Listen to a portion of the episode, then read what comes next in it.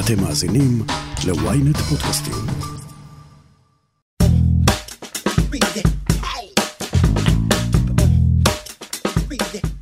ערב טוב לכל מי שמצטרף, פרק נוסף של פילטק אה, כאן בטוויטר, אה, בוויינט ומאוחר יותר בכל פלטפורמות הפודקאסט החביבות עליכם.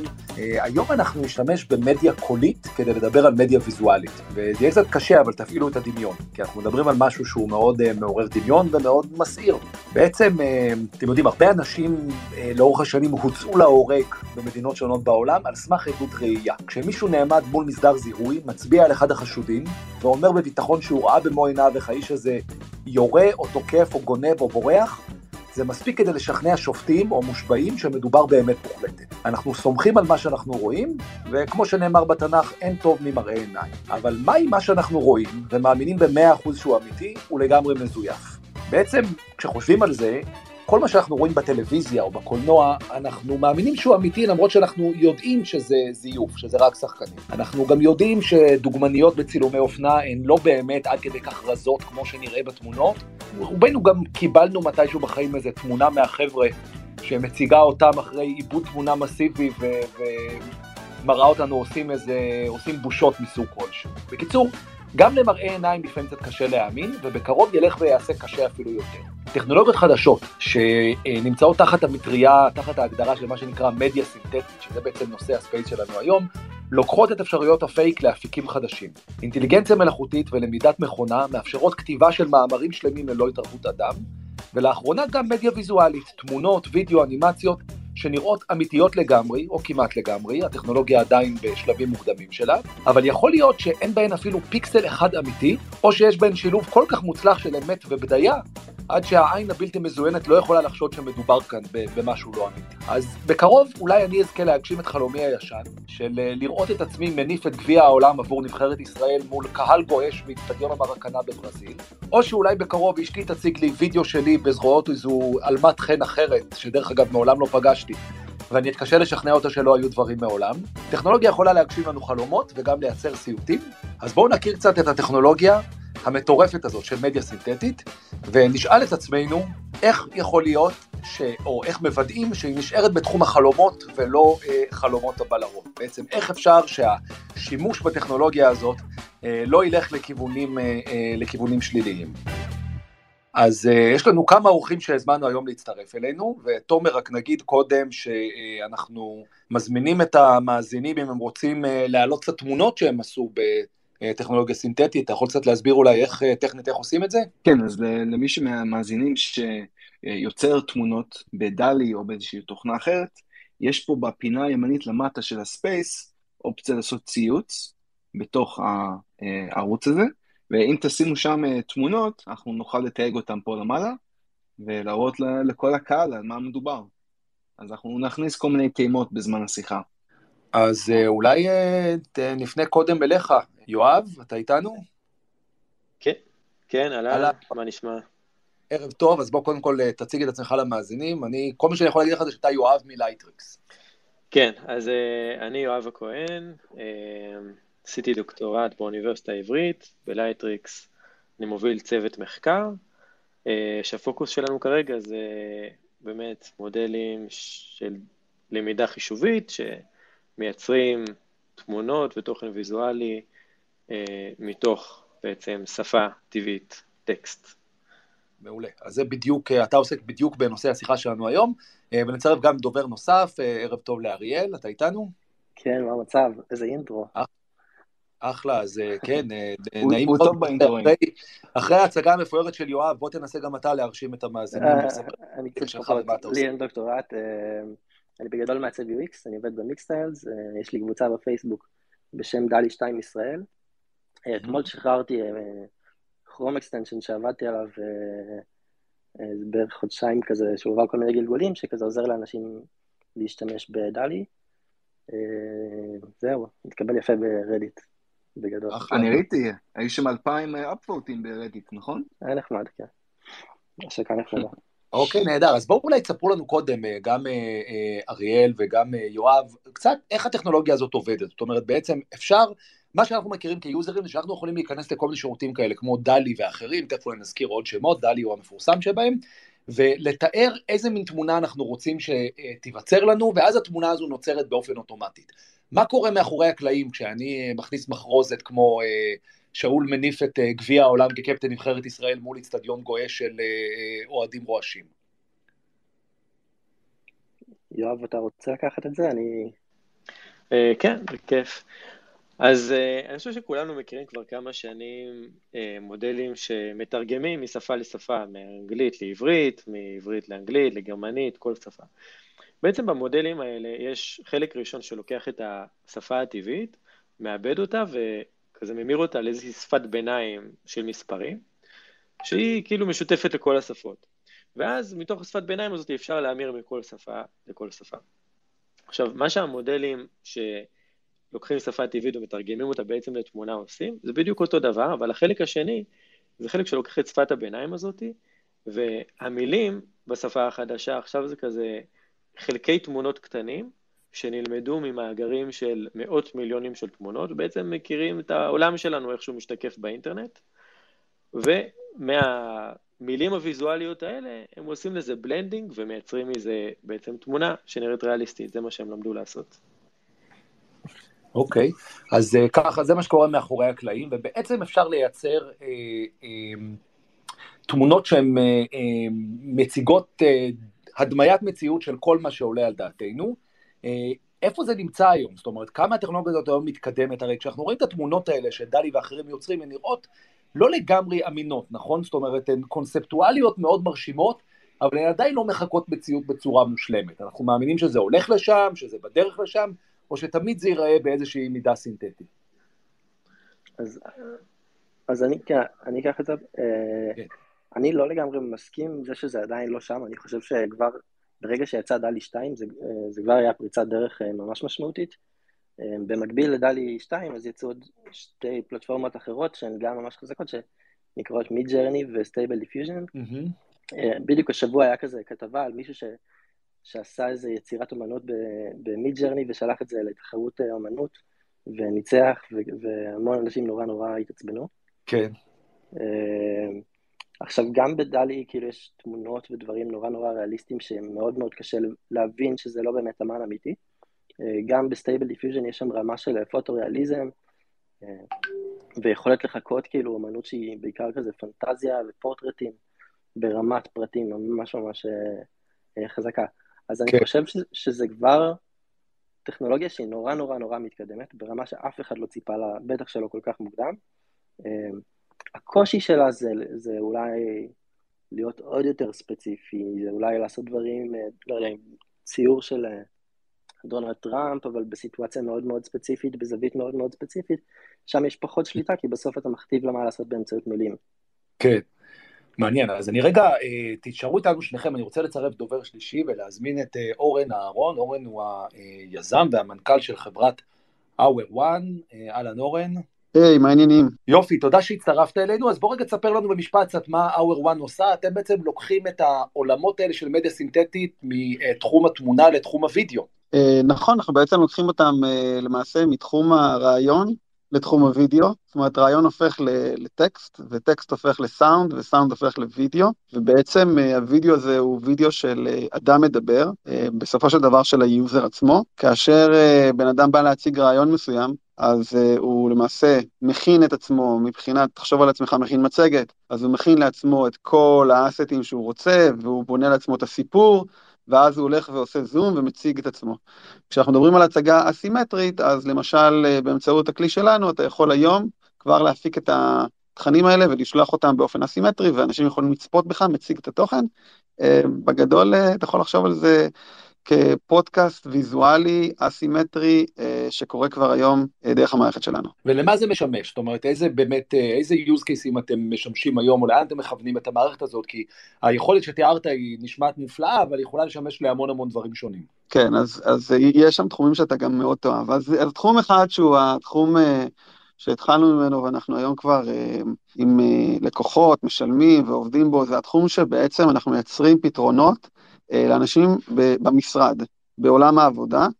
אה, המשתמשת הכבדה ביותר בכלי שלנו, בחברה שלנו, היא אדמין, שבעצם אה, כל דבר שהיא רוצה להסביר לצוות, היא בעצם משתמשת בכלי ויוצרת מסרים מאוד ברורים ומיידיים, אבל יש גם שימושים ב-customer success ושימושים ב-learning and development, בהדרכות בחברות, mm-hmm. שימושים ב-HR, גיוס עובדים דרך המערכת, וכולי וכולי, product demos, walkthroughs, כל הדברים האלה היום כבר הם אקטיביים בתוך המערכת, ואתה יכול בעצם לייצר איתם תכנים שעוזרים לך בתפקיד שלך כאיש מכירות בחברה, למשל, לייצר תכנים בצורה זולה, יעילה ומדויקת. ותחום חדש שהשקנו ממש לפני שבוע, בעצם אנחנו נכנסנו כבר לעולם הזה של תוכן תלת-ממדי, כאשר הדמות הסינתטית היא לא רק דמות סינתטית שיושבת מעל רקע של איזה template דו-ממדי או איזה מצגת, אלא היא ממש בתוך סביבה. ואתה מפיק את כל החומר בתוך הסביבה הזאת, וה-use case הראשון שיצאנו איתו הוא בעצם newsrooms. יש לנו היום לקוחות, חברות, כגון Defiance Media בארצות הברית, mm-hmm. שמייצרות חדשות שנראות כמו חדשות אמיתיות בתוך אולפן, עם דמות מדברת, עם כל התכנים שלהם, סדר גודל של חצי שעה כל יום, וזה כבר עובד, זה כבר שם, כן. ולמעשה אנחנו מכניסים את האולפן. אני היחיד שזה נשמע לו קצת מבעית, סליחה אורן, לא אישי, אבל כאילו, תגיד רגע, מנקודת מבט, כאילו, זה לא נשמע נורא מפחיד שאתה יכול להראות לי וידאו של בן אדם מדבר, ואני אהיה משוכנע שראיתי את הבן אדם אומר את הדברים האלה, בלי לדעת שהבן אדם מעולם לא אמר אותם, למעשה הוא מעולם לא אה, לבש את הבגדים האלה, הוא מעולם לא עמד מול מצלמה ונשאל על הנושא הזה, אבל אני יכול להישבע שראיתי אותו עושה את זה. איך, כן. איך זה מסתדר? תראה, קודם כל, אה, בגלל, בגלל זה הקמנו את R1, זאת אומרת, אני, אני בן אדם אה, לא כל כך חזק, קצת קטן, וכל החיים שלי רציתי להיות מפחיד, אתה מבין? זה היה הרעיון. כן. ואמרתי, איך אני יכול להיות מפחיד? אז דיברתי איתך, ואמרת לי, זה מאוד מפחיד אותי, וחשבתי על הרעיון. אז, אז למעשה, למעשה אתה צודק, זאת אומרת, יש כאן אה, מקום ש, שאנשים יצרו malicious use, ואתה תיארת כל מיני סיטואציות, אתה יודע, מאוד מיוחדות, אבל אתה יכול לחשוב על זה בצורה הרבה יותר פשוטה. הרי יש עדות, ויש עדות מצולמת, ואם מישהו פשוט מקליט את עצמו במערכת הזאת ומעיד שמישהו אחר עשה איזשהו פשע, למעשה זה עדות, עדות קבילה היום בבית משפט. כן. אז, אז זה כל כך שם, כאילו, וזה כל כך יכול לקרות, וכמובן צריך אה, להגביל את הטכנולוגיה ולשמור, אה, ואנחנו, וזאת האחריות שלנו, ואנחנו לוקחים את זה כחלק ממה שאנחנו בונים, אה, את כל הנושא הזה, אפשר להרחיב עליו. אה, אבל בהחלט כן, אנחנו צריכים להבין שאנחנו לא יכולים להאמין לכל מה שאנחנו רואים ושומעים אה, מהיום והלאה. שזה באמת סוג של מהפכה. רגע, אני, אני אחזור רגע ליואב ולאריאל, אבל כן אני רוצה לצרף דוברת נוספת ולהגיד שלום, ל... מכיוון שאנחנו עוסקים כאן בפייק, אז יש לנו כאן אה, דמות חצי פיקטיבית שנקרא לה חגית, ולא נדע בדיוק מה השם האמיתי שלה, ואנחנו יודעים שהיא מעצבת. אה, ובתור מעצבת יצא לה להתעסק גם עם אה, מדיה סינתטית. אז קודם כל, אה, ערב טוב לחגית, ותודה שהצטרפת אלינו. ערב טוב, תודה שהזמנתם אותי, ו... ואני אשמח לתרום קצת את שני הסנט שלי לדיון ולהגיד, הפתיח שלך היה מאוד מאוד מרשים, התייחסת אל החוש שנסדק, האמון בחוש הראייה, ואני לוקחת את זה איתך עוד צעד אחד קדימה. Mm-hmm. ובאמת מתייחסת לכל הכניסה של המדיה הסינתטית מכיוון קצת אחר, שהוא ה-AI, והאפשרות שלנו להשתמש בחושים אה, במקומות אחרים שעד היום לא הנגשנו אותם, ו-DALL-E וכל ה-diffusion וכל המנויים, זאת ממש ממש רק ההתחלה. Mm-hmm. אנחנו רואים היום סדרות שעולות DALL-E הרחיבו את הפיצ'רים שלהם וממש מייעדים את זה לאנימציה ובעצם לכלכלת creators, שמאפשרת לאנשים מאוד מאוד בקלות לייצר את התוכן. כן. אבל אני רק רוצה להוסיף, כמעצבת, מה שהיה מאוד מאוד מפתיע זה השינוי בחשיבה. כשאנחנו מדברים במשפט, יש לנו איזשהו לינאר שאנחנו בונים אותו. גם כשאנחנו אה, מסתכלים על תיבת צלילים. כשמעצבים, אתה מניח את הדברים באיזושהי אבסטרקציה על מסך או נייר. החשיבה היא פחות לינארית, הרבה יותר אסוציאטיבית. כן. וההיתקלות. את כמעצבת לא מרגישה שאולי הטכנולוגיה הזאת מחליפה, אולי זה עוד מקרה שבו אינטליגנציה מלאכותית מחליפה את זו האנושית, הרי המקצוע... מחליפה? לא, היא לא מחליפה, היא עוד כלי עבורי, לא רק כמעצבת או כיוצרת. אתה צריך להיות מאוים לא פחות מקו-פיילוט או מאפשרויות אחרות של AI. זה, כן. מבחינתי זה רק אפשרות והזדמנות להרחיב את, ה, את הסל כלים, כי בעצם זה נותן לנו הלכה למעשה לייצר איבנטים ותמונה. ולברוא מציאות חדשה באיזה קובץ שתייצר את זה, אם זה קובץ לנייר, למסך או אה, ל-AR, אנחנו שם, יש היום בערב השקה של אפל, שם. נורא מעניין. אריאל, תגיד, למי שייכת הטכנולוגיה הזו? זאת אומרת, אה, זה בעצם, זה לא שייך לחברה מסחרית, מסחרית אחת, אלא זה משהו פתוח ככה לתועלת הציבור, והרבה חברות שונות עושות שימוש בטכנולוגיה הזאת. אז תוליך אותנו קצת בהיסטוריה של זה ובמבנה של זה, מאיפה זה מתחיל? אה, מגניב, אז מבחינת כאילו זכויות יוצרים, כאילו, שאלת למי שייכת הטכנולוגיה או למי שייך התוצרים? אה, האמת, גם וגם. הטכנולוגיה שייכת אה, בדרך כלל למי שלא יודע, יצר אותה, אני מתאר לעצמי שהיא שייכת ל-OpenAI, אה, חלקה, חלקה היותר בשרי, אה, אם אני, אם אני לא טועה, אז הוא open source, יש להם כל מיני מודלים שהם שחררו כ-open source, ועל גביהם גם נבנו כל המוצרים המסחריים היום.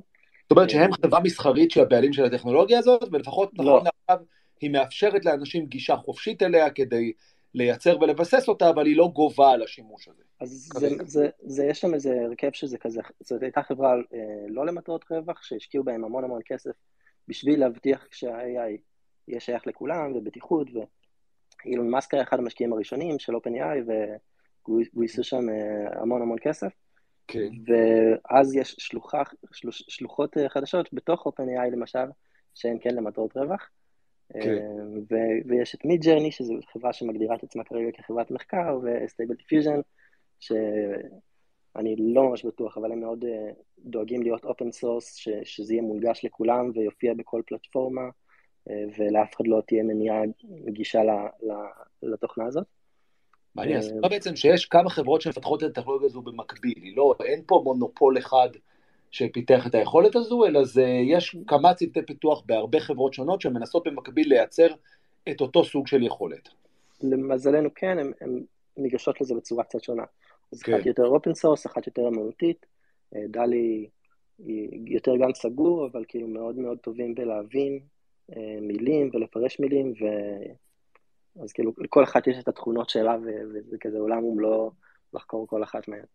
ומבחינת הבשלות של הטכנולוגיה, אה, מעבר לזה שכולנו נהנים לעשות כל מיני ניסויים, וכמו שאמרנו, להגשים לעצמנו כל מיני חלומות, אה, ולייצר לעצמנו כל מיני פוסטרים של עצמנו בסיטואציות שהיינו רוצים להיות בהן, יש כבר שימושים מסחריים, זאת אומרת, משתמשים בדברים האלה לצרכים אה, לאו דווקא מסחריים, אולי אקדמיים, ביטחוניים או אחרים, אבל זה כבר commercial grade? אז ראיתי כאילו פרסמות שעשו עם זה, אני חושב שהאיינס עשו מזה פרסומת גאונית.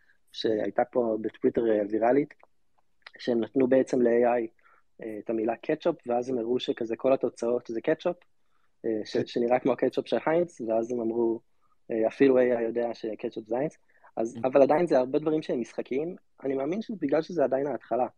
אני, אני לא רואה דרך לחזור אחורה בעולמות של יצירת קריאייטיב וגיבוש רעיונות ויצירת סטורי בורדים לסרטים. יש כרגע דוגמאות שאנשים עשו, אבל אני לא רואה דרך שזה לא יהיה ממש חלק מהותי מה-workflow, אה, גם למטרות רווח, גם בסרטים הוליוודיים וגם ל... אה, לא יודע, לספרים. אה, אני חושב שזה כאילו מה שבכיוון. מסחריים. יואב, מעניין לשמוע, מבחינתכם ב-Lightricks אתם בעצם publisher של אפליקציות, של מגוון רחב של אפליקציות שונות, שכל אחת מהן מאפשרת ל-creatorים, לאנשים יצירתיים, להביע את עצמם ולייצר מדיה ויזואלית בעיקרה, אה, בכל מיני אמצעים. אז איפה הנושא הזה פוגש אתכם? זאת אומרת, איך אתה רואה, או איך Lightricks רואה את השימוש במדיה סינתטית בתוך מערכת או בתוך עולם של כלי יצירה אה, רחב יותר? אז למעשה אני חושב שזה פוגש אותנו במקום מאוד טוב, כי החזון שלנו היה לקחת את הכלים שהיו נגישים, נגיד בעיקר בפוטושופ, אנשים עם הרבה ניסיון, וכזה היה קומת למידה גבוהה בשביל לגשת אליהם. ואנחנו כן. הבאנו את זה כבר לפני עשר שנים למובייל, ככה שלא רק מעצבים יכולים אה, לייצר מדיה סינתטית, אלא כולם. אה, זה נכון שעכשיו הרמה נהייתה עוד יותר גבוהה, ההתרחקות אולי מהמציאות אה, פרצה גבולות ש... שהיו קודם. אה, אבל אנחנו אנחנו לא יודעים עדיין לגמרי לאן זה ילך, אבל אנחנו חלק מזה בתור מי שמובילים את השוק במובייל של יצירת תוכן. אה, אנחנו שם, ואנחנו בגלל זה גם נכנסים לכל הנושא הזה של יצירת תוכן אה, ממודל לשפה. Mm-hmm. גם מבחינה טכנולוגית אנחנו רואים שזה יכול להחליף חלק עצום מהכלים שעד היום גם עבדנו עליהם מבחינה טכנולוגית יותר קשה, והיום הטכנולוגיה הזאת היא פשוט כקופסה מחליפה הרבה דברים שאנשים עם תואר שני היו צריכים לעשות אה, במשך כמה חודשים, אתה פשוט מוציא בקלות יחסית מהקופסה הזאת.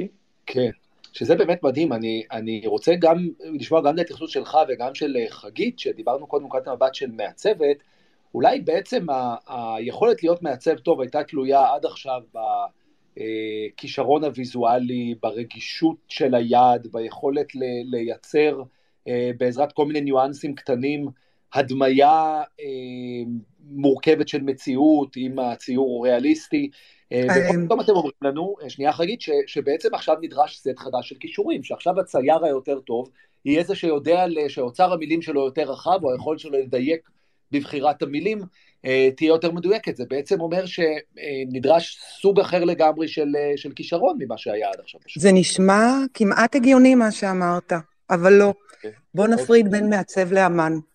עבור אמן זה יכול, ל, ל, באמת, אמן שהתאמן כל חייו ברישום, זה יכול לשלול אה, תחתיו את, ה, את הקרקע, לשמו. עבור מעצב, התפקיד שלו הוא לייצר הנאה לפעולה. בכל מדיה ומדיום אפשרי, אומני צ'אנלס, וזה רק הרחבה של הכלים. אתה מתייחס, אה, לדעתי, באיזושהי הקטנה למודל שעליו מבוססת יצירת המדיה הסינתטית, ואסור לזלזל בו. וזה GPT-3.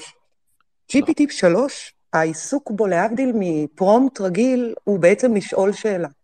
וזה התפקיד שלנו כמעצב, לשאול שאלה, מה המטרה, למה אנחנו עושים את זה, ואיך אנחנו מבצעים את זה בצורה שתביא המרה המבוקשת הכי טובה. זה הכל. אם אתה חושב שזה מה שישמוט את הרגליים ממעצבים, אני, אני לפחות, אני, ואני נמצאת באיזושהי קבוצת מעצבים באמת בינלאומית, אף אחד לא מרגיש איום. כן. האיום הוא, הוא לא מזה, האיום הוא באמת מהעיוות שהטכנולוגיה יכולה לצקת, מהמשמעויות אה, של פייק ושל קוד אתי, ולדעתי יש גם עניין של איכות סביבה שצריך לתת עליו את הדעת, והייתי מאוד שמחה לשמוע מ-Lightricks אה, בנושא מידע, אה, וזה בהחלט אה, מיומנות שצריך להבין את המורכבות שלה. איך בעצם הקשר לאיכות הסביבה הוא בגלל הכוח כוח חישוב הניכר שנדרש כדי לג'נרט את היצירות האלה? אני, זה בוא נשאל את המומחים. יש פה הכוח החישוב שנדרש, זה גם בהגשה של המודלים האלה, אנחנו מגישים בסקייל מאוד גבוה דרך האפליקציות שלנו, יכולת המרה מטקסט לתמונה, אז בהחלט יש שם compute לא מבוטל. אה, ויש גם כמובן באימון, שגם את זה אנחנו עושים בנפרד מ-Stable Diffusion. אומנם עכשיו אנחנו כן עדיין משתמשים ב-Stable Diffusion, אבל אנחנו גם מאמנים אחד משלנו. אה, יש פה מבחינת החשמל שאנחנו צורכים, כן, הוא גבוה, אבל א', אני חושב שבהרבה בהרבה חוות שרתים של גוגל, אז היום רוב ה-90% מה... אנרגיה היא אנרגיה מתחדשת, אה, ואגב, אנחנו בחרנו בכוונה אה, חווה כזאתי. אה, וגם מעבר לזה, אני חושב שעם הזמן, אז מצד אחד אנחנו כן נאמן מודלים יותר גדולים ויותר גדולים, מצד שני החומרה תהפוך להיות יותר יעילה ויותר יעילה. אז גם אם עכשיו יש לנו איזשהו אה, פיק בצריכת חשמל, עם הזמן, אה, כשהצורך והתועלת של זה תגבר, אנחנו נראה את הכל, כל הטכנולוגיה מתמזערת, כמו שפעם מחשב צרך אה, אולם שלם, נכון? ואפשר להגיד על נדל"ן, מה, אם יהיו לנו מלא מחשבים, אז זה יצרוך הרבה נדל"ן, כן? אבל מחשבים אה, נהיו מזעריים. אה, לא יודע, פעם אה, צרכנו הרבה מים מהכנרת וזה, והקמנו מדינה, היום מצאנו פתרונות לזה ואנחנו אה, אה, עושים התפלת מים והכנרת חזרה לעלות. כן? אני חושב שיש פה אולי בעיות זמניות, לא ברור לי שהם יישארו בטווח הרחוק.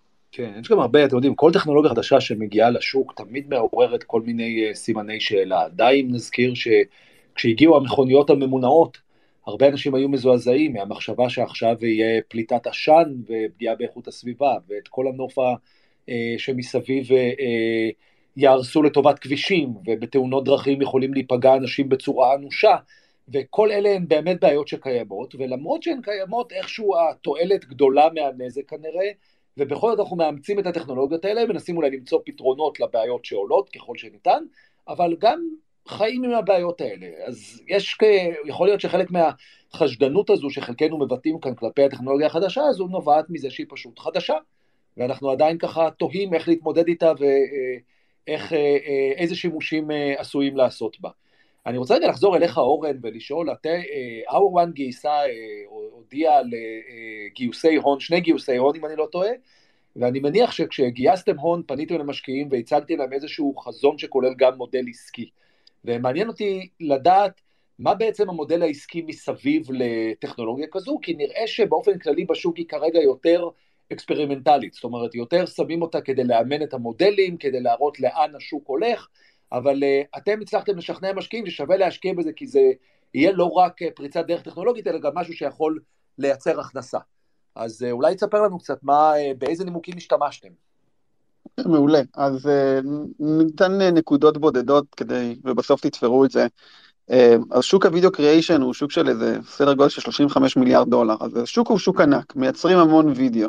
הוידאו מיוצר בצורה מאוד לא אפקטיבית, בגישה שבערך פותחה לפני 100 שנה, של סטודיו וצילום, ולאחר מכן עריכה. אז בואו ניתן קצת מספרים בתעשייה כדי שתבין את העלויות. יום צילום של סדרת טלוויזיה רגילה יכול לעלות עשרות אלפי דולרים, ואתה מפיק ממנו מיום כזה משהו כמו עשר דקות תוכן. זה פחות או יותר הבול פארק. כשאתה הולך היום ומנסה להפיק איזשהו סרטון לחברה שלך, אתה משלם בעיקר על זמן עריכה, וזה סדר גודל של סרטון של דקה עולה סדר גודל של 5,000 עד 10,000 דולר. ובעצם התחיל עולם חדש, ברגע שנוצר המובייל, נוצר עולם חדש, שבו כל אחד יכול לצלם באמצעות הטלפון שלו, והעלות היא אפס. וזה גדול וזה מצוין, רק בעיה אחת, הדבר הזה לא מתחבר לדרך שבה חברה רוצה להציג את התוכן שלה. היא מציגה כזה תוכן בסושיאל, אבל כשמגיעים כבר למקומות שהיא משרתת לקוחות, ולמשל סרט Customer Success, אז לא, לא עושים אותו מהמובייל, ועושים אותו בצורה מאוד איכותית ומדויקת, ולמעשה יש פה פער, פער גדול בין עלות היצירה המקובלת היום, לבין הרצון של לקוחות לשלם את המחירים האלה, ובפער הזה אנחנו נכנסים ומסוגלים בעצם לתת להם סרט היי קוולטי, בעלויות מאוד מאוד נמוכות, בזמן קצר, שמשרת את הצרכים שלהם, והוכחנו בעצם את הצורך הזה ואת ה-willingness של חברות לשלם ולבצע. אוקיי, okay, אני מניח שגם תיארתם איזשהו חזון עתידי, זאת אומרת, אמרתם לא רק איך תעשו כסף בעוד שנה או שנתיים ותעלו את החברה על פסים, אלא גם תיארתם איזשהו חזון מרחיק לכת של כמה ענק זה יכול להיות. אז איפה אתם רואים, או איפה, לאן אתם מכוונים בשימוש בטכנולוגיות האלה לטווח ארוך מעבר למוצרים הספציפיים שאתם מציעים כרגע? תחשוב ברוח ככה, לא יודע, עוד חמש שנים מהיום, עוד עשר שנים מהיום, מה ה-grand vision, לאן אפשר לקחת את זה? אז הערכות בשוק, וזה הערכות uh, המקובלות בשוק, ש, שאם אתם זוכרים, הייתה סטטיסטיקה כזאת שאמרה פעם, לפני רק שלוש שנים, שהחברה הכי מוצלחת בעולם אז הייתה יוטיוב, בהיבט שהמוצר שלה הוא sustainable והיא חברה טובה, שכל דקה מעלים ליוטיוב איזה 800 דקות או 800 שעות של, של content, וזה היה נשמע מטורף, ואז הגיע טיק טוק ובעצם השיגה אותה. אז הדבר הבא שהולך לקרות זה שמכונות ייצרו הרבה מאוד וידאו, ומה שטיק טוק עושה היום בדקה, בעצם, אתה יודע, מכונות יוכלו לייצר סדרי גודל של יותר וידאו באותה דקה. ולשם זה הולך. בעצם הצפי הוא שתוך שלוש שנים אה, בעולם הוידאו, 60-70 אחוז מהווידאו בעולם מיוצר כבר באמצעות אה, מכונות ולא באמצעות אה, אנשים. אה, צריך לומר משהו על הוידאו הזה. הוא יהיה וידאו מאוד אה, מהונדס, הוא יהיה וידאו שבעצם כל אייבול בעולם יראה את הוידאו שלו, אה, וברגע שאתה תראה, תחשוב על זה ככה, אתה הולך, אתה רואה עכשיו סרטון, וברגע שאתה רואה את הסרטון, הוא נוצר בזמן שאתה צופה בו, הוא לא נוצר לפני. כן. אין storage, יש רק compute, אפס storage, הכל compute, אתה רואה את הסרטון, וברגע שגמרת לראות את הסרטון, הוא נעלם, אף אחד לא שומר אותו יותר. זאת אומרת, לשם זה הולך. אתה פשוט תצפה במשהו שנוצר עבורך ברגע מסוים סביב סיטואציה מרקטיאלית מסוימת, ואז זהו, נעלם. ולשם זה הולך, זה, זה, זה, זה הכיוון, וזה מה שאנחנו רואים שכולם בונים, וגם אנחנו. אורן, יש לי... אה, אני רוצה להוסיף.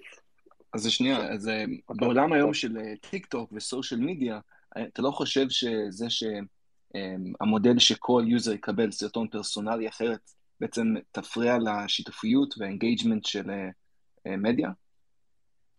כן, זאת אומרת, בתור דוקטור לטיק טוק, שאני חוקר את הפלטפורמה הזאת כבר כמה שנים, ואני מנסה לנתח שם את כל הדברים האלה, אתה בהחלט צודק, זאת אומרת, יש, יש התנהגויות שהן התנהגויות שלא ייכנסו לתוך התחום הזה. והן התנהגויות מאוד חשובות, אנשים מחקים אנשים אחרים, יוצרים וריאציות, זו אומנות בפני עצמה בעיניי. אז זה עדיין יישאר, לדעתי. אה, זה לא רק יישאר, זה גם ישתנה ויתחזק ויהפוך להיות uh, היום-יום שלנו.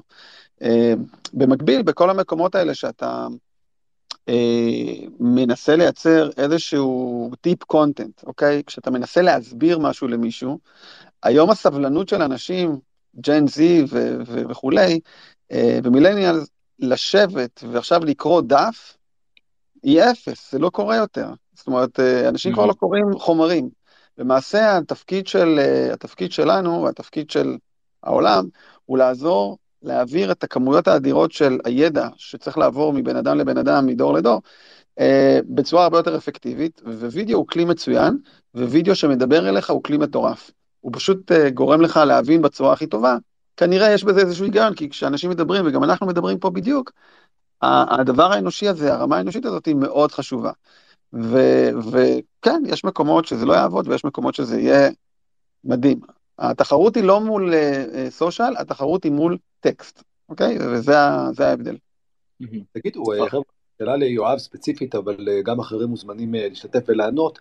פלטפורמות בדרך כלל משקיעות הרבה מאוד מאמצים בלוודא שהשימוש בהן ייעשה לצרכים שהם uh, uh, מועילים לקהילה, או להימנע מדברים פוגעניים. אם ניקח פלטפורמות publishing כמו מדיה חברתית, או כמו יוטיוב, אה, או טיק טוק שהזכרת קודם, הן משקיעות הרבה מאוד מאמצים לוודא שתכנים לא ראויים לא יעלו, שמשתמשים שמעלים תכנים כן ראויים יקבלו אה, אה, איזשהו קידום ואיזושהי תשומת לב יתרה.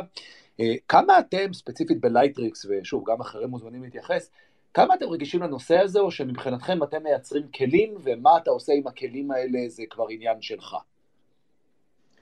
אז אה, כן, קודם כל זה חשוב לנו מאוד. אה, אנחנו בעצמנו, יש לנו סינון פנימי, בנוסף למודרציה ש...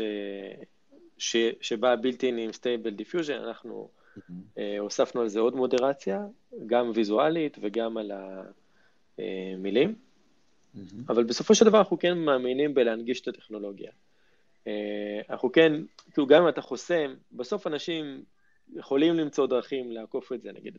מישהו, לא יודע, נחסום היטלר, אז מישהו יכתוב שליט גרמניה ב-39. כן. אה, אפשר להערים על ה... כן, אפשר, אפשר להערים, אז אה, כאילו, אם אנשים ירצו לעשות את זה, הם יעשו, ואם לא דרכנו, אז בדרך אחרת, וכאילו, אני מאמין שגם בסוף יהיו, יהיו כאלה מודלים שהם לא דרך חברות ו open source, ואנשים אה, יתאמצו מספיק. אני חושב שאנחנו, כשאנחנו באים ומציגים את הכלי שלנו, אז אנחנו באים ומנסים להראות סטנדרט ו-use cases לכלי שלנו, ואז אנחנו מראים את האומנות, את היצירתיות, את הביטוי העצמי של אנשים, ואלה. אלה הדברים החיוביים שאנחנו באים ותורמים לעולם. אנחנו מקווים שאנשים כאילו יקבלו מזה השראה וייצרו את הדברים שלהם. ויקחו את זה למקומות חיוביים. כן, אני חושב שגם רוב האנשים חיוביים בסופו של דבר. אתה רואה את זה ביצירות שאנשים מעלים באינסטגרם ובפייסבוק. בסדר, יש שם גם אנשים שפוגעים באחרים, אבל יש שם גם הרבה דברים חיוביים. אה, ואתה יודע, אנחנו כזה רוצים לעשות טוב, והרבה אנשים עושים איתנו טוב. כן, אז ספר לנו רגע באמת, דיברת על ה-use cases שאתם רוצים להבליט, אה, מבחינתכם פוטוליפ, שהיא האפליקציה, אני מבין שבה יישמתם את הטכנולוגיה הזו לראשונה, אה, איפה אתם רואים אותה כחלק מהפורטפוליו שלכם? יש לכם בעצם הרבה מאוד כלי יצירה שונים. מה אתם חושבים שאנשים יעשו בפוטוליפ שהם לא עושים בפייסטון או באחת האפליקציות האחרות שלכם? איזה use cases לדעתכם באמת מדיה סינתטית נועדה לשרת בטווח הארוך? כן, אז האמת שבתחילת השבוע כבר השקנו את זה גם בפייסטיון, mm-hmm. ויש לנו עוד פיצ'רים לפייסטיון שהולכים לצאת על בסיס הטכנולוגיה הזאת. Mm-hmm. אבל פוטוליפ באמת היה המועמד הטבעי להתחיל איתו, כי הוא, בוא נגיד, הוא הפוטושופ של המובייל היום, ו market leader בתחום הזה. אז בהתחלה אתה, ה flow שאנחנו התחלנו איתו, ושאתה, במקום לבחור נגיד תמונה מה camera roll שלך, או להתחיל from scratch, יש לך עכשיו עוד דרך להתחיל אה, עריכה, שזה לקבל השראה, או אפילו יכול להיות שזה יספק אותך כ, כתמונה סופית, אה, מתוך text prompt שאתה מעלה. אה, ואז אתה יכול לייצר עוד דוגמאות, או לעשות וריאציות של מה שכבר העלית. בנוסף לזה, ממש גם לפני יומיים השקנו גרסה חדשה של פוטוליפ, שמאפשרת לך גם לתת תמונה ראשונית, וזה מין כזה starting point לאותו text to image, אז עכשיו יש לך text plus sketch to image, וזה דרך כזאת לבוא ולעזור למשתמשים להגיע יותר מהר לתוצאה שלהם, או לקבל עוד השראה, וזה פשוט חלק מהפלואו עכשיו של המוצר. ואגב, הוצאנו גרסה של פוטוליפ באנדרואיד חדשה, שזה העיקר שלה, היא מבוססת על זה, נוסיף שם גם עכשיו את האדיטור, אבל היא יצאה ממש רק עם זה, כי אנחנו מאמינים שהחלק הזה הוא כל כך חשוב עכשיו בתהליך היצירה, שהרגשנו אה, שזה נותן המון ערך למשתמשים, פשוט להביא את זה לאנדרואיד רק עם הדבר הזה. אז בעצם אתם אומרים שאתה אומר שזה אה, נורא מעניין, אתה בעצם רואה במדיה הסינתטית איזשהו בסיס שאחריו עדיין נדרש עיצוב ידני, או עדיין יש מקום לעיצוב ידני, אז בעצם המדיה הסינתטית לא מחליפה לגמרי את המעצב, אבל נותנת לו איזשהו בסיס לעבוד איתו, ועליו להפעיל את כישוריו, להתחיל נגיד תמונה מהאחוז ה-40 ולא מהאחוז אפס. כן, תראה, אם אתה רוצה נגיד להוסיף איזשהו טקסט על התמונה, אז המודלים היום הם לא כותבים טקסט בצורה טובה, או שאתה רוצה לעשות מים, כן, אז יש לך את הבסיס, או שער של מגזין, אז אתה יכול לקבל את התמונה של ה... נגיד, לא, אתה רוצה עכשיו סלב על השער של איזשהו מגזין אופנה, אז אתה כותב אה, סלב על מגזין אופנה, קיבלת תמונה ממש אה, טובה שנראית כמו מגזין אופנה, אבל את הכותרת של המגזין, אתה יכול להוסיף עם הכלים שלנו, אתה יכול לעשות סיגמנטציה, להוציא כאילו את האדם מהרקע, ואז לעשות כזה שהחלק מהכותרת של המגזין תהיה מאחורי האדם, אבל הרקע אה, מאחורי הטקסט. כל מיני כלים ברמה הזאת. כן, מדהים. אורן, רצית גם כן להתייחס לנושא הזה? כן, טיפה מזווית שונה, רק כדי uh, לשתף ולעורר את העניין, זאת אומרת, ברגע שהתחלנו לדבר עם uh, חברות uh, חדשות, והם בתהליכים של uh, להטמיע את המערכת שלנו, uh, היו פידבקים שנגעו לאותנטיות של הכתבים. זאת אומרת, יש איזושהי אמירה של, אז, אז זה כבר לא אני, אה, עכשיו שאול, אתה בעצם מנחה פה את הפודקאסט הזה, תחשוב אקח לך אותו, וזה כבר לא תהיה אתה. אני לא יודע אם זה אינטליגנציה מלאכותית שנשמעת כמוני, קשה להבחין בהבדל, נכון? זאת אומרת, נוצר איזה מצב שבו אנחנו מאמינים שאם אנחנו לא שם, אנחנו קרובים לשם, שבו באמת זה לא כל כך משנה מי המראיין, זה מחשב מראיין. Uh, כן, אבל, אבל יש, יש איזה עניין של זהות, זאת אומרת, אני, אני, אתה יודע, אנחנו פה כי עכשיו אתה הזמנת אותנו, אבל אנחנו גם מכירים אותך, וזה חשוב לנו שזה אתה. אמ, ובעצם אה, הם מאוד הסתבכו עם, הנושא הזה, אה, והתשובה הייתה, האם אתם כבר משתמשים במערכת שלכם באיזושהי מערכת שאתם יכולים לעשות טוויטים, טוויטר או טוויטים שלכם, mm-hmm. ואמרו שכן, אז, אז בעצם השאלה הייתה לכתבים, אז איך יודעים שאתה בעצם כתבת את הטוויט? הרי יש עניין של trust, זאת אומרת, אני רואה את התמונה שלך, אני יודע שזה אתה, אבל אני גם מאמין שאתה זה שכותב את הטוויטים שלך. כמובן שמישהו יכול להחליף אותך, אז נוצר כאן איזשהו עניין של trust, ו- וגישות מקובלות בעולם, וברוב המקרים אפשר לסמוך על האנשים, ואפשר לסמוך על השיטה ועל הגישה, ו- ואני חושב שזה בסוף ילך לשם. זאת אומרת, כל הדברים האלה הם בסוף איזושהי סיסטמה חברתית מקובלת, שאנחנו עובדים בה, אבל אנחנו אף פעם לא יודעים אם מישהו עשה, כתב בטוויטר משהו, האם זה באמת היה הוא, או העוזר שלו, או חבר שלו. זה אורן, כאילו לאיזה מקום קצת יותר מופשט, ואני שואל את עצמי, הרי כשאני רואה תגובה של פוליטיקאי, אני לא יודע אם הוא באמת אם זה מה שהוא מרגיש, או זה מה שיועצי התקשורת שלו הכתיבו לו, נכון? ואני כשאני... היו, שומע... היו, היו כמה וכמה מקרים שכבר היו פליפים של יועצי התקשורת, שזה היה ברור שזה לא הפוליטיקאי, ואחר כך הייתה התנצלות על הדבר הזה, אז כבר קרה. כן, זה כאילו נראה שאולי האותנטיות הזו שאנחנו מדברים עליה אה, כבר הרבה שנים לא קיימת, והשלמנו עם זה, וכאן נכנס איזשהו מימד, אה, אה, אני לא יודע, מדאיג, או לפעמים קצת מעורר חשש, כי טכנולוגיה יכולה לעשות את כל זה בצורה סקיילבילית. זאת אומרת, עד עכשיו היה צריך נורא להתאמץ לשקר או להסתיר או לסלף, ופתאום יש טכנולוגיה נורא מתקדמת שעושה את זה בסקייל, והפחד הוא אולי שזה יוצא משליטה. זאת אומרת, מה שאני אומר זה שיכול להיות שהשינוי כאן הוא לאו דווקא איכותני אלא כמותי. זאת אומרת, ב magnitude של זה ולאו דווקא במהות. יכול להיות שבמהות אה, פייק הוא כבר חלק בלתי נפרד מהצריכת אה, מדיה השוטפת שלנו כיום. שאלה מעניינת. אריאל, תן לנו, בתור אה, מנהל קהילת דלי בישראל, אה, תן לנו קצת מספרים. אה, כמה, כמה משתמשים בזה? זה עדיין כמה גיקים טכנולוגיים משוגעים לדבר, או שזה כבר הופך להיות מיינסטרים? אז אני אשאל את השאלה הזאת, אהבתי את התיאור, מנהל קהילת דלי ישראל. משהו כזה. אני... יש לי, יש קבוצת פייסבוק דלי 2 ישראל. כן. אני מעכשיו, אתה כאילו, אתה מייצג את מדינת ישראל עבור לא, דלי. גם בכתבה בגיקטיים קראו לי ככה, והחברים בעבודה כזה צחקו עליי, לא משנה. אני אשלב את זה עם עוד נקודה לגבי הכמות של המידע ששאלת. אז אני חושב שאין המון המון אנשים כרגע שיש להם גישה לדלי, שבכלל יודעים מה זה דלי, או Stable Diffusion, או Midjourney.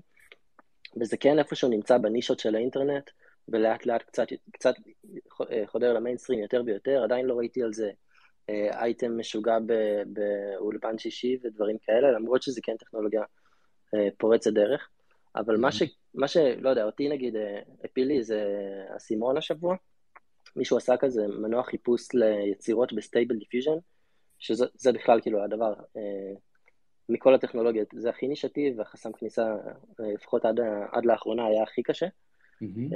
ובמנוע חיפוש הזה כבר עכשיו יש מעל חמש מיליון יצירות, אה, וכולן כאילו, אם, אם אתה תעשה שם חיפוש לאיזה דמות שאתה מכיר או משהו שאתה מכיר, אתה פשוט תראה אלפי יצירות שאנשים עשו באמצעות Stable Diffusion, ומרשימות ממש. לאתר קוראים Lexica Art, וזאת כמות כאילו פסיכית, זו כמות שאם תסתכל על אתרי אומנות אה, מקבילים כמו ArtStation, אה, זה לוקח שנים להגיע לכמות כזאת באיכות כזאת. וזה מדובר תוך כמה שבועות על ידי נישה מאוד מאוד קטנה של משתמשים אה, ב Stable Diffusion, שהם כבר עכשיו יש חמש מיליון יצירות, אז מה יהיה, כמה יהיה בעוד שבוע, כמה יהיה בעוד חודש, כמה יהיה בעוד שנה, כנראה כבר מיליארדים, ואז כמות התמונות הסינתטיות שהולכות להיווצר זה, זה, זה משהו שהולך לגדול בצורה אקספוננציאלית. אה, כן. וזה נכון לגבי כל דבר שיגיע אליו, זה נכון למוזיקה, וזה נכון לקוד, וזה נכון, ל... נכון לוידאו. אבל אה, יש, יש לי פה שאלה המשך, אה, אריאל. כן. זה שהם מייצרים כל כך הרבה תמונות, זה לא אומר שמישהו בכלל צופה בהם. כאילו, אם ה... בטוח, אי אפשר לצפות בכל כך הרבה אנשים, כדי כל כך לא, הרבה אנשים. אז בסוף, אה, בדומה למה שראינו בעולם הטקסט עם GPT-3, שזו טכנולוגיה שקיימת כבר מספר שנים, אני לא ראיתי יותר מדי ביזנס uh, use cases, או שימוש במיינסטרים עדיין בטכנולוגיות האלה. מה הסיכוי שכל הדלי וכל הדומיין יישארו בשוליים של המיינסטרים גם עוד חמש שנים? Uh, אני חושב שכל פעם ימצאו איזה פיצוח אחר לשלב את זה בטכנולוגיה אחרת, כמו שגם GPT-3 um, של הטקסט, אז עכשיו יש כל מיני uh, חברות שעושות אוטומציה ל email marketing באמצעות GPT-3. Uh, יש סופרים שלמדו איך כאילו להתחיל ספר ולתת ל-GPT-3 להמשיך אותו, ואז לסגור להם פרקים בצורה הרבה יותר מהירה. אז אני חושב שלאט לאט נראה יותר ויותר מוצרים סביב הטכנולוגיות האלה, ו... והסקייל, כן, הולך, להיות, הולך לגדול, כאילו, אנחנו נראה הרבה יותר אה, יצירה באמצעות AI בתוך המרחב שלנו, ולא בטוח שיהיה מספיק אנשים לצרוך אותו. כבר עכשיו יש לנו הצפת תוכן.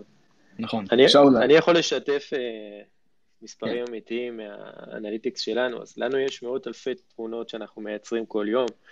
אנחנו צופים שזה יעלה פי עשר ממש בשבועיים שלושה הקרובים. ואחר כך זה כאילו עוד יותר יתפוצץ, כאילו כל השרתים שלנו כבר ערוכים לדברים האלה. אנחנו כן רואים איזה שימוש מסיבי בדבר הזה, אז זה לא גיקים, כנראה שיש להם מה לעשות עם התוצאות. אז, אז בהמשך פה לקהילה, אריאל, שיצרת, שידע לי, אני רוצה להקריא פוסט ש, שנכתב לפני מספר שבועות על ידי ציירת ישראלית בשם רז נגב. הנה הפוסט. נולדתי עם כישרון, ושום בינה מלאכותית מטומטמת לא תיקח ממני את זה.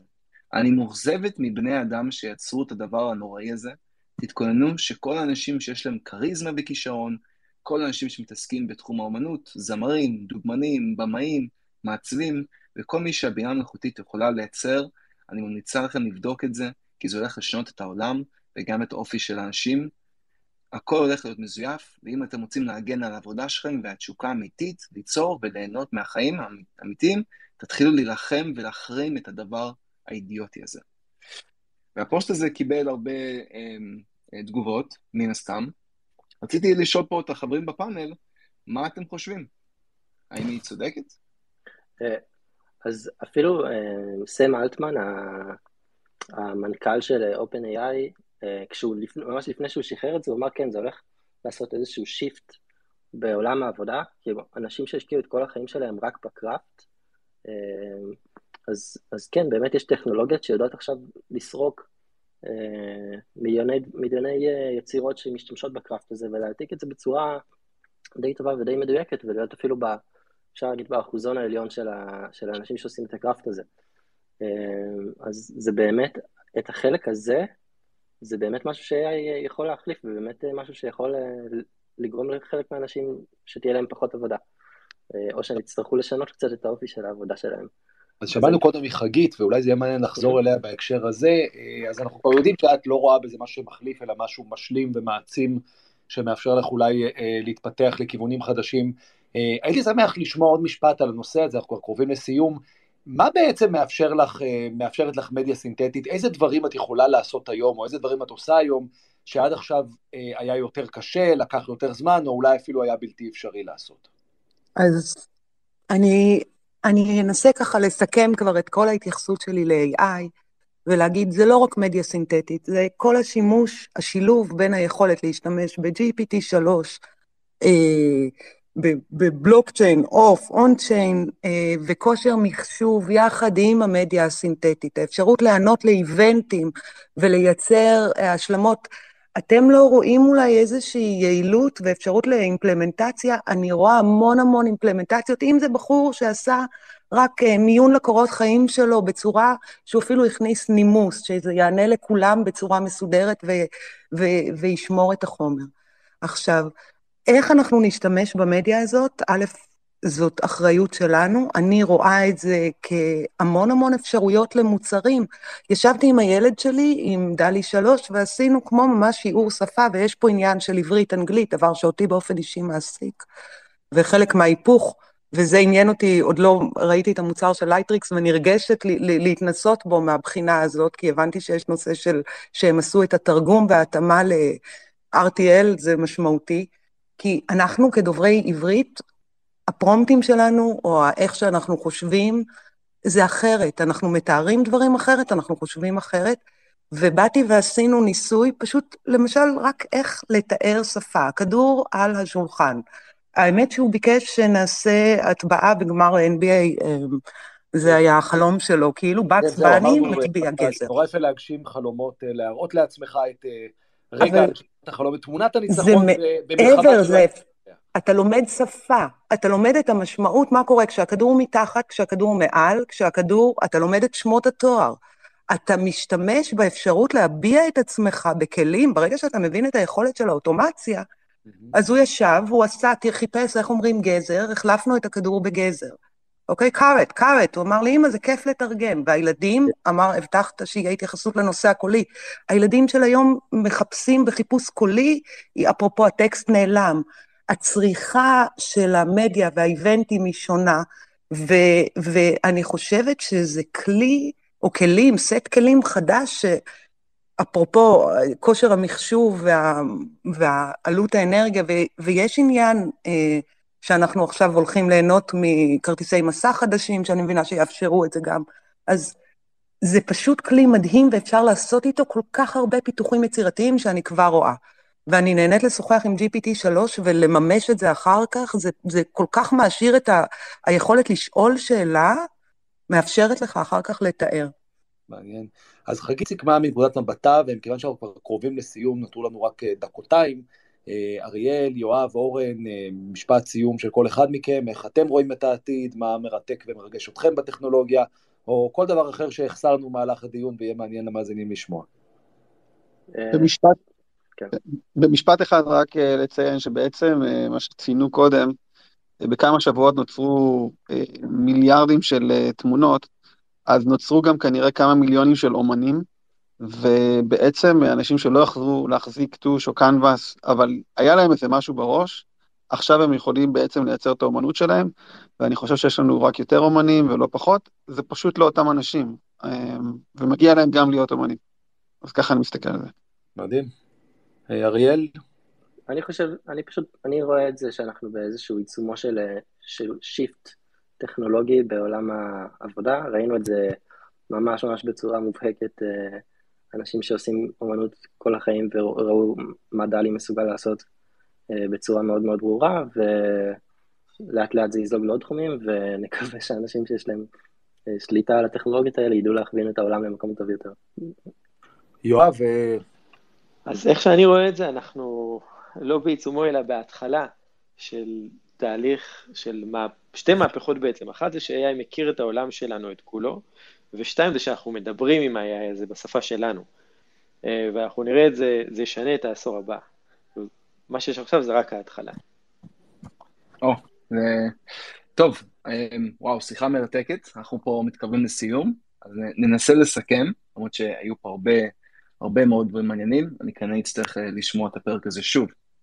אז יואב הציג לנו איך, הטכ... איך הטכנולוגיות האלה בכלל עובדות, שבעצם אתה מזין מחרוזת מילים, והמכונה בעצם יודעת אה, לפרק את המילים האלה לרכיבים ולבנות תמונה חדשה אה, שלא קיימת.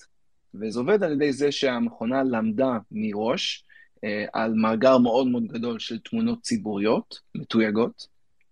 אריאל הסביר שדלי היא קפיצת מדרגה של הטכנולוגיה, ואכן קיימים עוד טכנולוגיות מתחרות שיוצאות באותו זמן. יותר מזה, אריאל מספר לנו שחלק מהרכיבים של הטכנולוגיות האלה הם, בכלל open source, אבל היצירות שנוצרות הן שייכות ל creators, כלומר למי שיוצר את זה, שזה מאפשר לאנשים לעשות שימוש מסחרי בזה. אה, אורן סיפר, אורן מ-R1 סיפר על מעבר לג'נרט תמונות, החברה שלהם יודעת לג'נרט סרטונים, אמ, שלאחרונה הם עלו אפילו לרמה שהם יכולים לייצר סרטון שמדמה אולפן אמיתי, אה, אולפן חדשות, עם בן אדם שמקריא טקסט, וכל זה לא קיים באמת.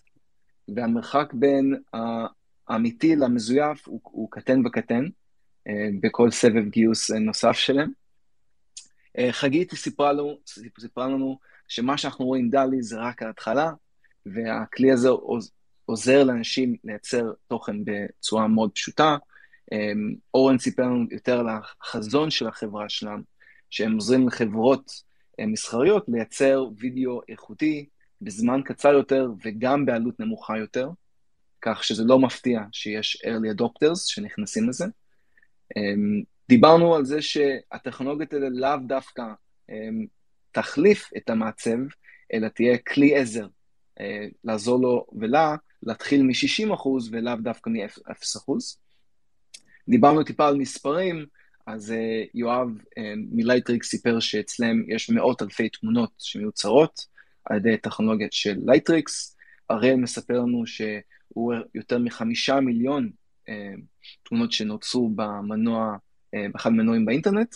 הקראתי פוסט של ציירת בקהילת הדלי 2 של ישראל, שאומרת שזה הולך להחריב לה את העולם, ולקח לה את הפרנסה. אה, ויש פה הסכמה חלקית מה, מהפאנל, אבל אורן מסיים בזה שלמרות שזה כן אולי מחליף את הבעלי תפקידים, זה נותן לאנשים חדשים שעד עכשיו לא היו יכולים לייצר את היכולת הזאת. אז החצי כוס המלאה. מדהים. וואו, תומר, אם אה, בדיעבד אה, יקשיבו לספייס הזה עוד כמה שנים וזה יישמע כמו חבורת בומרים הזויים שמסרבים להכיר במציאות המשתנה נגד עיניהם ומעלים חששות וחרדות.